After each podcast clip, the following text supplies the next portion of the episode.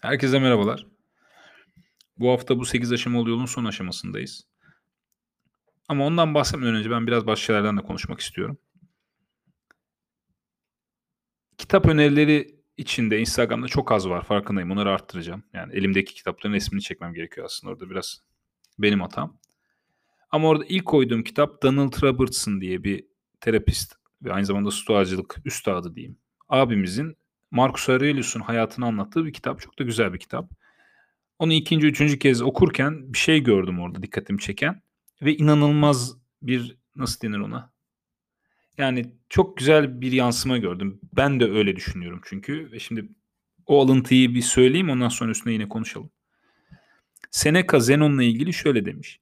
Zenon'un öğrencilerine karşı tutumu belki de bir doktor gibi uzman olduğunu iddia etmeyen fakat kendi rolünü daha çok tedavisinin gidişatını hastanedeki oda arkadaşlarına anlatan bir hastaya benziyordu. Ben tam olarak bu podcast'i böyle düşünüyorum. Tabi orada öğrencilerine karşı diye başlıyor. Orası hariç. Ben de burada bu alanın uzmanı olarak sizlerle konuşuyor gibi hissetmiyorum. Ben tedavi gören bir hasta olarak ki burada hastalık tabii hani hasta falan değiliz elbette de buradaki şey analoji öyle olmuş. Kendi kendimi geliştirmeye çalışırken bu tecrübelerimi ve yaptıklarımı benim gibi düşünen insanlarla paylaşıyorum. Dolayısıyla ara sıra böyle ukalaca bir şeyler söylersem de bunu yanlış anlamayın. Buradaki amaç öğretmenlik ya da tırnak içinde öğretmek değil. Bunu benden daha iyi yapan başka kanallar da var. Burada aslında beraber bir yolda yürüyoruz. Bir sohbet ediyoruz bununla ilgili. Benim bir tık daha zamanım fazla olabilir belki bunlara ayıracak. Dolayısıyla hani daha çok şey biliyor olabilirim. Ama benim daha üstün olduğum ya da tırnak içinde uzman olduğum anlamına gelmez. Gerçekten de kendimi herhangi bir şekilde uzman görmüyorum bu konuda. Uzman olduğum konu başka. Bu çok hoşuma gitti okurken. Onun için bunu söylemek istedim. Dolayısıyla ara sıra samimi şeyler söylemem nedeni de bu. Çünkü ben sohbet ettiğimize inanıyorum. Burada bir ders yok. O yüzden de rahatım. O yüzden bu konuşmaların hiçbiri editlenmiyor. Baştan çekiyorum bir kere de ve anlatıyorum. Konuşuyoruz yani, yayınlıyorum. Şimdi bununla ilgili şöyle bir şey söylemek istiyorum. Bu arada hani bu kendini beğenmişlik ya da işte böyle öğretmek, öğrenmek falan biraz beylik kelimeler ya. Analizlerden baktığım zaman hani dinleyen yaş grubuna genelde hem yani şöyle 18-35 yaş arası çok fazla insan var. E kendim de bu aslında bunların içinde olduğum için az buçuk biliyorum. Ne hissedildiğini ya da hangi aşamalardan geçildiğini. İnsan bazı evrelerden geçiyor aslında. Bu evrelerden bir tanesi hiçbir şey bilmediğini düşündüğü evre. Kendini eksik düşündüğü evre. Bir tanesi de kendisini çok şey bildiği. Tabi bunu herkes yaşamıyor olabilir. Çok da güzel bir his mi? İkisi de güzel değil bunların. İkisi de doğru da değil aynı zamanda. Şimdi birinciden biraz konuşalım. Eğer kendinizi eksik hissediyorsanız yap- yapabileceğiniz çok şey var. Yani çok basit bir cevapla yani eksik olduğunuz alan neyse ya da düzeltelim. Eksik olduğunu düşündüğünüz alan neyse bunu geliştirmeye çalışabilirsiniz. Nasıl? Sizden daha iyi bildiğini düşündüğünüz insanlara sorarak. Şimdi bu Sokrates ara sıra konuşuyoruz Sokrates belki de okumuşsunuzdur. Hani bir tapınağa gidiyor orada bir konuşuyor falan. Zenon da gidiyor oraya zamanında. Zamanı derken daha sonra tabii pardon. Ve kendisine diyorlar ki ölüleri arkadaş edinmen gerekiyor senin. Bu şu demek aslında senden önce yaşamış ölmüş mümkünse yani. insanların yazdığı eserler. Onları arkadaş edin, onlardan yardım al, onları dinle. Tabii bizim için artık biraz daha yeni bir çağda olduğumuz için ölmeleri gerekmiyor. Ama bir sürü insanın bir sürü kitabı, bir sürü tecrübesi var. Bunları edinmeye çalışmak gerekiyor. Yani başka bir deyişle kendimizi olmak istediğimiz insanlarla çevirmemiz gerekiyor ki olmak istediğimiz gibi yani. Öyle insanlarla çevirmemiz gerekiyor ki biz gelişelim hep aynı yerde durursak ilerleyemeyiz. Yani çok basit bir analoji oldu ama gerçekten böyle hep aynı yerde durursak ilerleyemeyiz. Bizim ileri gitmemiz gerekiyor ve biri bizi itmeyecek bakın. Biri bizi iterse itmeyi bıraktığında dururuz. Bizim yürümemiz lazım oradan. Dolayısıyla herhangi bir konu bu. Her şey olabilir. Fiziksel görünüm olabilir, mental kapasite olabilir, sporcusunuzdur. Nerede eksik hissediyorsanız sizden daha iyi olan bir insana yapışın. Deyin ki ben de gelişmek istiyorum. Bana yol göster. Hap bilgi istemeyin ama bana yol göster. Yani o, o kadar kolay değil ilerlemek. Bir şeyler bilmek de o kadar kolay değil. Sporda ilerlemek de o kadar kolay. Hiçbir şey kolay değil. En basit müzik müzikal bir enstrüman çalanlarımız illaki vardır. Çalmayı öğrenme aşamalarını düşünsünler. Kolay mıydı? Değildi. Hatta hep söylüyoruz ya bir şeyi iyi yapana kadar zaten kötü yapacaksınız. O yüzden çok normal. Moraliniz bozulmaz. Şimdi bununla birlikte bir de çok şey bildiğini düşünen insanlar var. Gerçekten çok şey biliyor olabilirsiniz bu arada. Hani sen hiçbir şey bilmiyorsun tarzında bir konuşma yapmıyorum ben. Gayet çok şey biliyor olabilirsiniz. Ama şu ayrıma iyi varmamız lazım. Şimdi genelde biz her şeyi referansla düşünürüz değil mi? Yani ben çok şey biliyorum. E kime göre neye göre çok şey biliyorsun? Mesela İlber Ortaylı'yla kıyasladığımızda ben çok şey biliyor olabilir miyim? E hayır. Ya da Celal Şengöl'e beni aynı teraziye koyduğumuzda ağır basma ihtimalim ya da dengede durma ihtimali var mı? Hayır. Dolayısıyla bakın benim yani benim derken hepimize bahsediyorum. Bildiğimiz şeyler ya da ne kadar bunun ne kadar çok olup olmadığını falan bir şeye referansla söylüyoruz ve genellikle kendimizi büyük görüyorsak bu aslında bizim büyüklüğümüzden dolayı değil. Bu tam olarak referans aldıklarımızla ilgili. Yani yanlış bir hesap yapalım şimdi. Çok doğru olmayan. Birden 10'a kadar seviye koyalım. Ben dedim ki ben 6. seviyedeyim. Eğer benim bulunduğum ortam 3 ise ortalaması ben kendimi orada ilah gibi görürüm zaten. Bunun tek nedeni benim ortalaması 7 olan bir ortama girmemiş olmam. Şimdi mümkün şuna aslında getireceğim. Böyle düşünüyorsanız eğer kendinizi çok ileride düşünüyorsanız emin olun ki sizden daha ileride insanlar var. Bundan emin olun. Düzeltiyorum bizden daha ileride insanlar var. Bundan emin olun yani. Girdiğiniz ortamlardaki insanlardan da iyi bilen, onlardan da üstün insanlar var. Bu sonu olmayan bir döngü zaten. Böyle gidiyor. Döngü de değil de lineer bir şey. Gidiyor böyle. Burada yine başka bir sorun çıkabiliyor bazı insanlarda. Kıskançlık sorunu çıkıyor. Bu yapabileceğiniz en büyük hata. Sizden daha ileride, sizden daha başarılı, tabiri caizse ben başarıyı farklı tanımlıyorum ama öyle diyelim. Şu an genel tabirle başarı diyelim. Daha başarılı, daha bilgili bir insan görüyorsanız kıskanmak yerine biraz önceki örneği veriyorum. Onların paçasına yapışmanız lazım. Çünkü siz çok şey bildiğini iddia eden biriyseniz bilgiyi seviyorsunuz demektir ki onu edinmişsiniz değil mi? Kimse yanlışlıkla bilgi edinmez. Okur, araştırır, öğrenir. E, düşünün ki siz karşınızda sizden de iyi bilen bir insana denk geliyorsunuz. E bu sizin için yeni bilgi fırsatı, yeni öğrenme fırsatıdır. O yüzden mümkün olduğunca sizden en az sizin kadar bir şeyler bilen, bakın sizin alanınız olmak zorunda değil. Yani siz felsefeciyseniz oturup da felsefecilerle değil de belki de çünkü ben o konuda biraz daha değişik düşünüyorum. Farklı alanların uzmanlarıyla bir araya gelin. Çünkü bu sefer aslında bu şu demek. Onların bildiği neredeyse hiçbir şey biz bilmiyor oluyoruz. Ve bu sefer oradan aldığınız bilgilerle sizin bilgilerinizi harmanlayabiliyorsunuz ve güzel hani ilişkiler bulunabiliyor burada. Bundan bahsetmek istedim aslında. Bunu önemli düşünüyorum ben. Bunun önemli olduğunu düşünüyorum.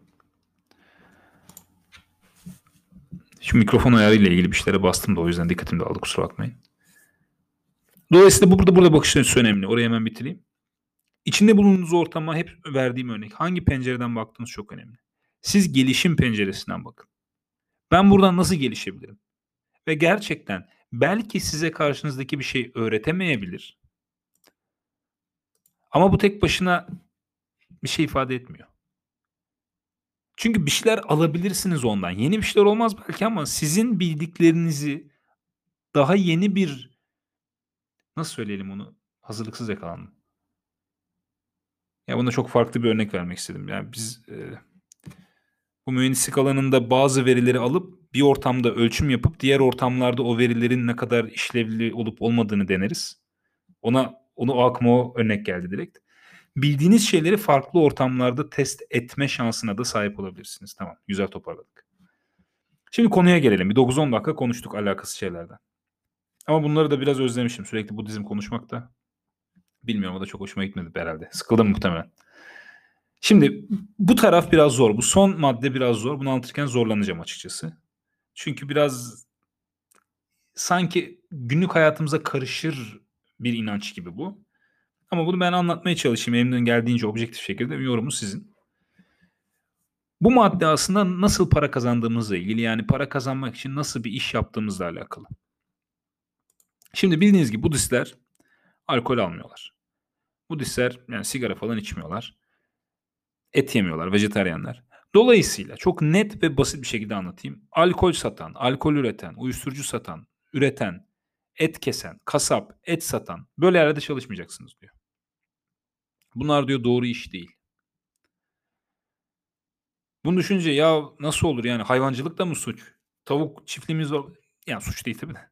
Bunlar da mı yanlış derseniz bu adamların direkt söylediği şey bu. Ama burayla alıp bırakmamak gerekiyor. Çünkü daha önce örneğini vermiştim hatırlarsanız. Yani can almayın diyor ama can almamak, %100 can almamak imkansız. Mikroorganizma öldürüp bakteri öldürüyorsunuz gene bir şey öldürüyorsunuz yani buna kaçamıyorsunuz. Dolayısıyla bu da aynı. Burada da %100'lük bir şey yok. Ve burada bilgi sahibi oldukça aslında rahatsız olma artıyor.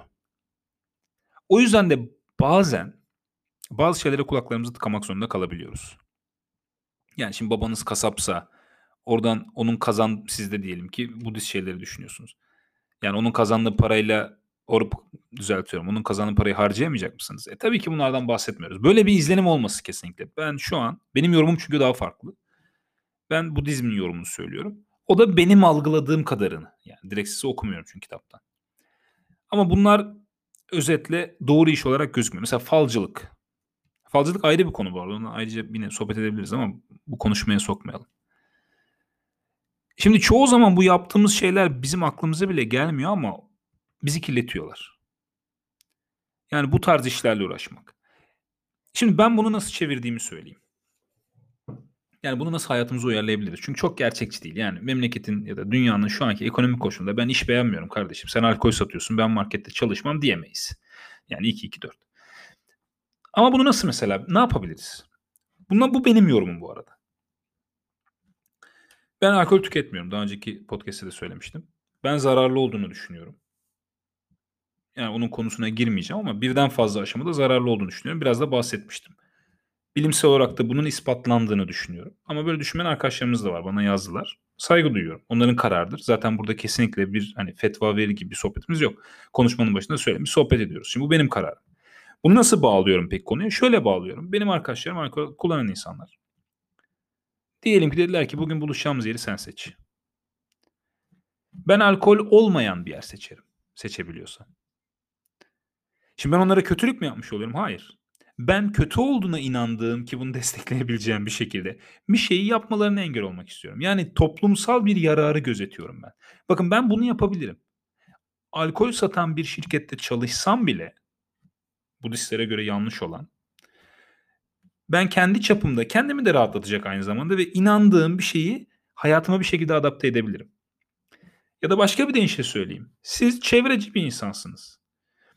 Belki çalıştığınız firmadaki her şey çevreci değil. Yani çok genel bir cümle oldu ama belki onu yani ekolojik dengeyi gözeterek yapmıyorlar belki yaptıklarını.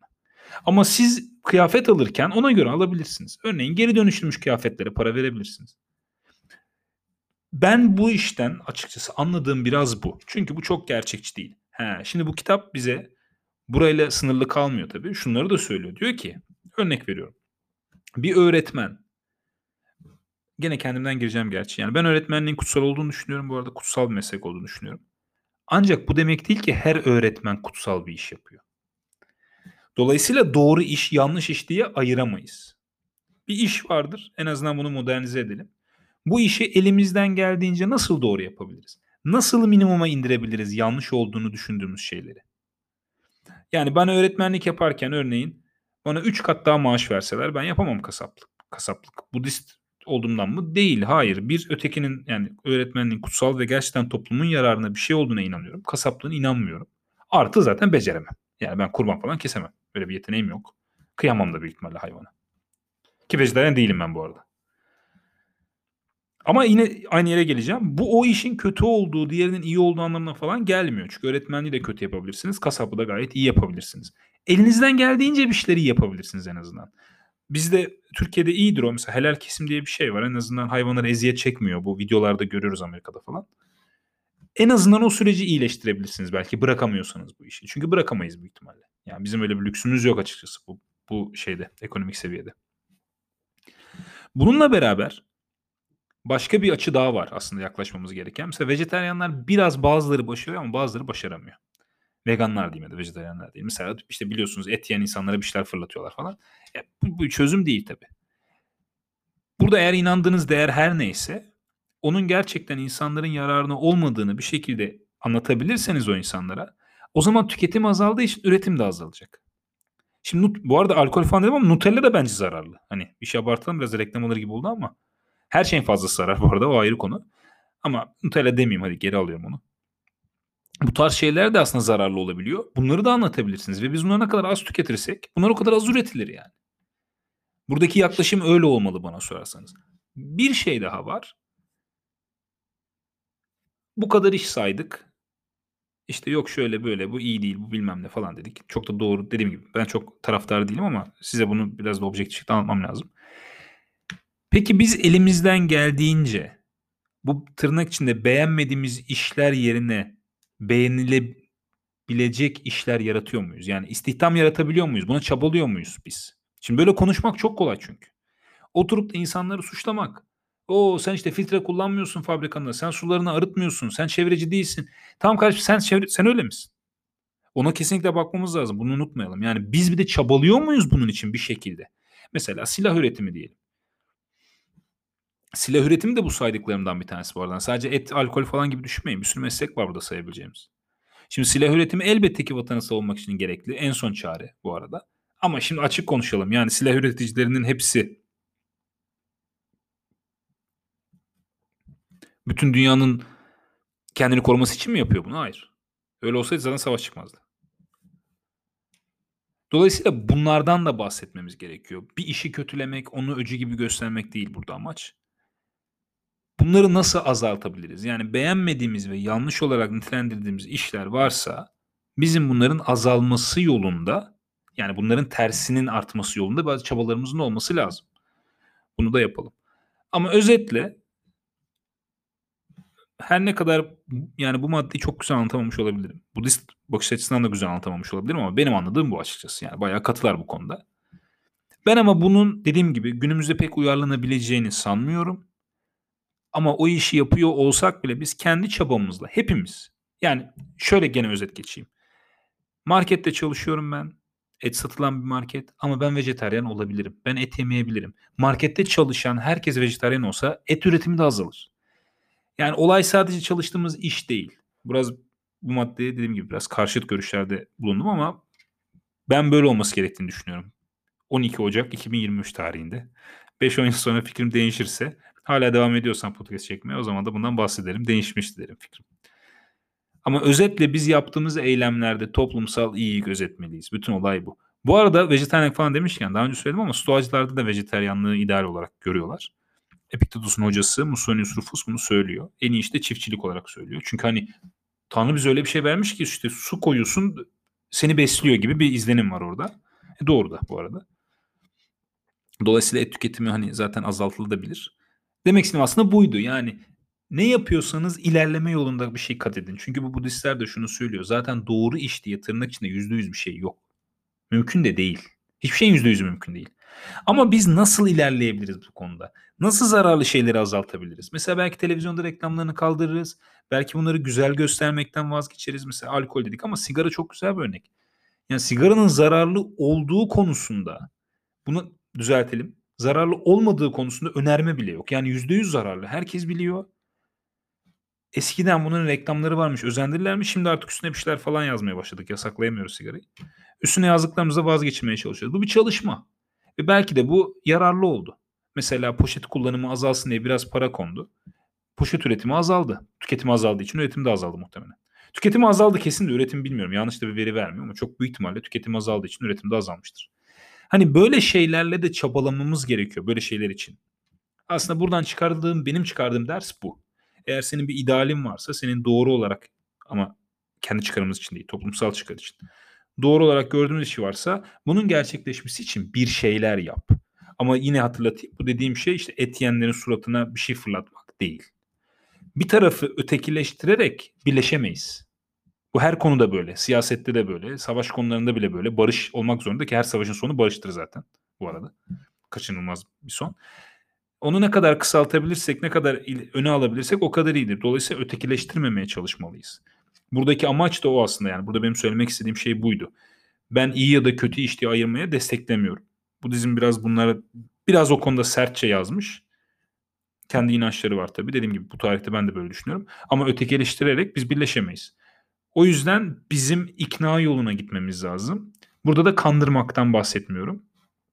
Çünkü gerçekten hani toplumsal yararı olmayan şeylerden bahsediyoruz burada. Silah geliştirmek gibi falan filan. Bugünü bu kadar. Bu Budist konusunu, Budizm konusunu bir tık kapatalım istiyorum biraz. Sonra bunlara döneriz belki ilginiz de olursa. Hani belki biraz daha tırnak içinde derin konulara inebiliriz. Ama ben yine stoacılığa biraz dönelim istiyorum. Çünkü anlatacak bir şey bitmez stoacılıkta. Ve daha önce iki tane çekeceğim dedim. Bir tanesi teknik olacak dedim. Kusura bakmayın lütfen. Zaman bulamıyorum. Ve burada biraz kendi fikirlerimden de bahsediyorum bu podcast yaparken ama atıyorum ben Seneca'nın hayatından bahsederken orada net bir şekilde doğru olmasına özen göstermeliyim söylediklerimin. Burada ben yanılabilirim. Fikrim saçma olabilir. Çok önemli değil. Ama diğeri yanlış olursa o doğru olmaz. Dolayısıyla onu biraz hani geciktirmek zorundayım. Çünkü başka şeyler var. Ama planım şu. Stoacılıkla ilgili konuşmaya devam edeceğiz. Ve aynı zamanda stoacılığa uzanan ve stoacılıktan uzanan şeylerden de konuşalım istiyorum. Mesela Sokrates'ten bahsedelim. Çok önemli. Kiniklerden bahsedelim. Belki Aristoteles'ten bahsedelim. Bu ahlak görüşlerini karşılaştıralım. Çok felsefi olacağını düşünmüyorum. Çünkü bu işi yapan benden daha iyileri, işi bu olan insanlar var. YouTube'da da var, podcastlerde de var. Benim işim stoacılık, daha doğrusu benim işim felsefe değil. Ben stoacılıkla ilgileniyorum. Buna zaman ayırıyorum ve bu, bu birikimlerimi ya da tecrübelerimi de beraber konuşarak paylaşıyoruz. Amacımız bu. Yine dediğim gibi isteklerinizi lütfen iletin. Instagram'dan iletebilirsiniz. Instagram muhtemelen hepimiz kullanıyoruz. Onun dışında böyle planım var. Stoacılık sonrasında da tabii konuşabiliriz. Stoacılıktan Hristiyanlığa geçiş önemli bir konu. Erken dönem Hristiyanlıkla geç dönem Stoacılık arasında çok benzerlikler var. Çok farklar da var tabii bu arada. Böyle üstü şey öyle kapatmayalım konuyu. Ve aynı zamanda bunun mesela terapi metotlarına etkisi var Stoacılığın ciddi bir şekilde. Özellikle bu davranışsal ve bilişsel, bilişsel ve davranışsal terapi var BDT. Ona çok büyük etkisi var logoterapiyle bir bağlantı ben görüyorum ve başka filozoflar da var. Kant var, Spinoza var. Bunlardan bahsedelim istiyorum aslında biraz. Ama yine bu tandansta olacak. Yani böyle felsefe eğitimi falan olmayacak yani dediğim gibi. Teşekkür ederim. Görüşmek üzere.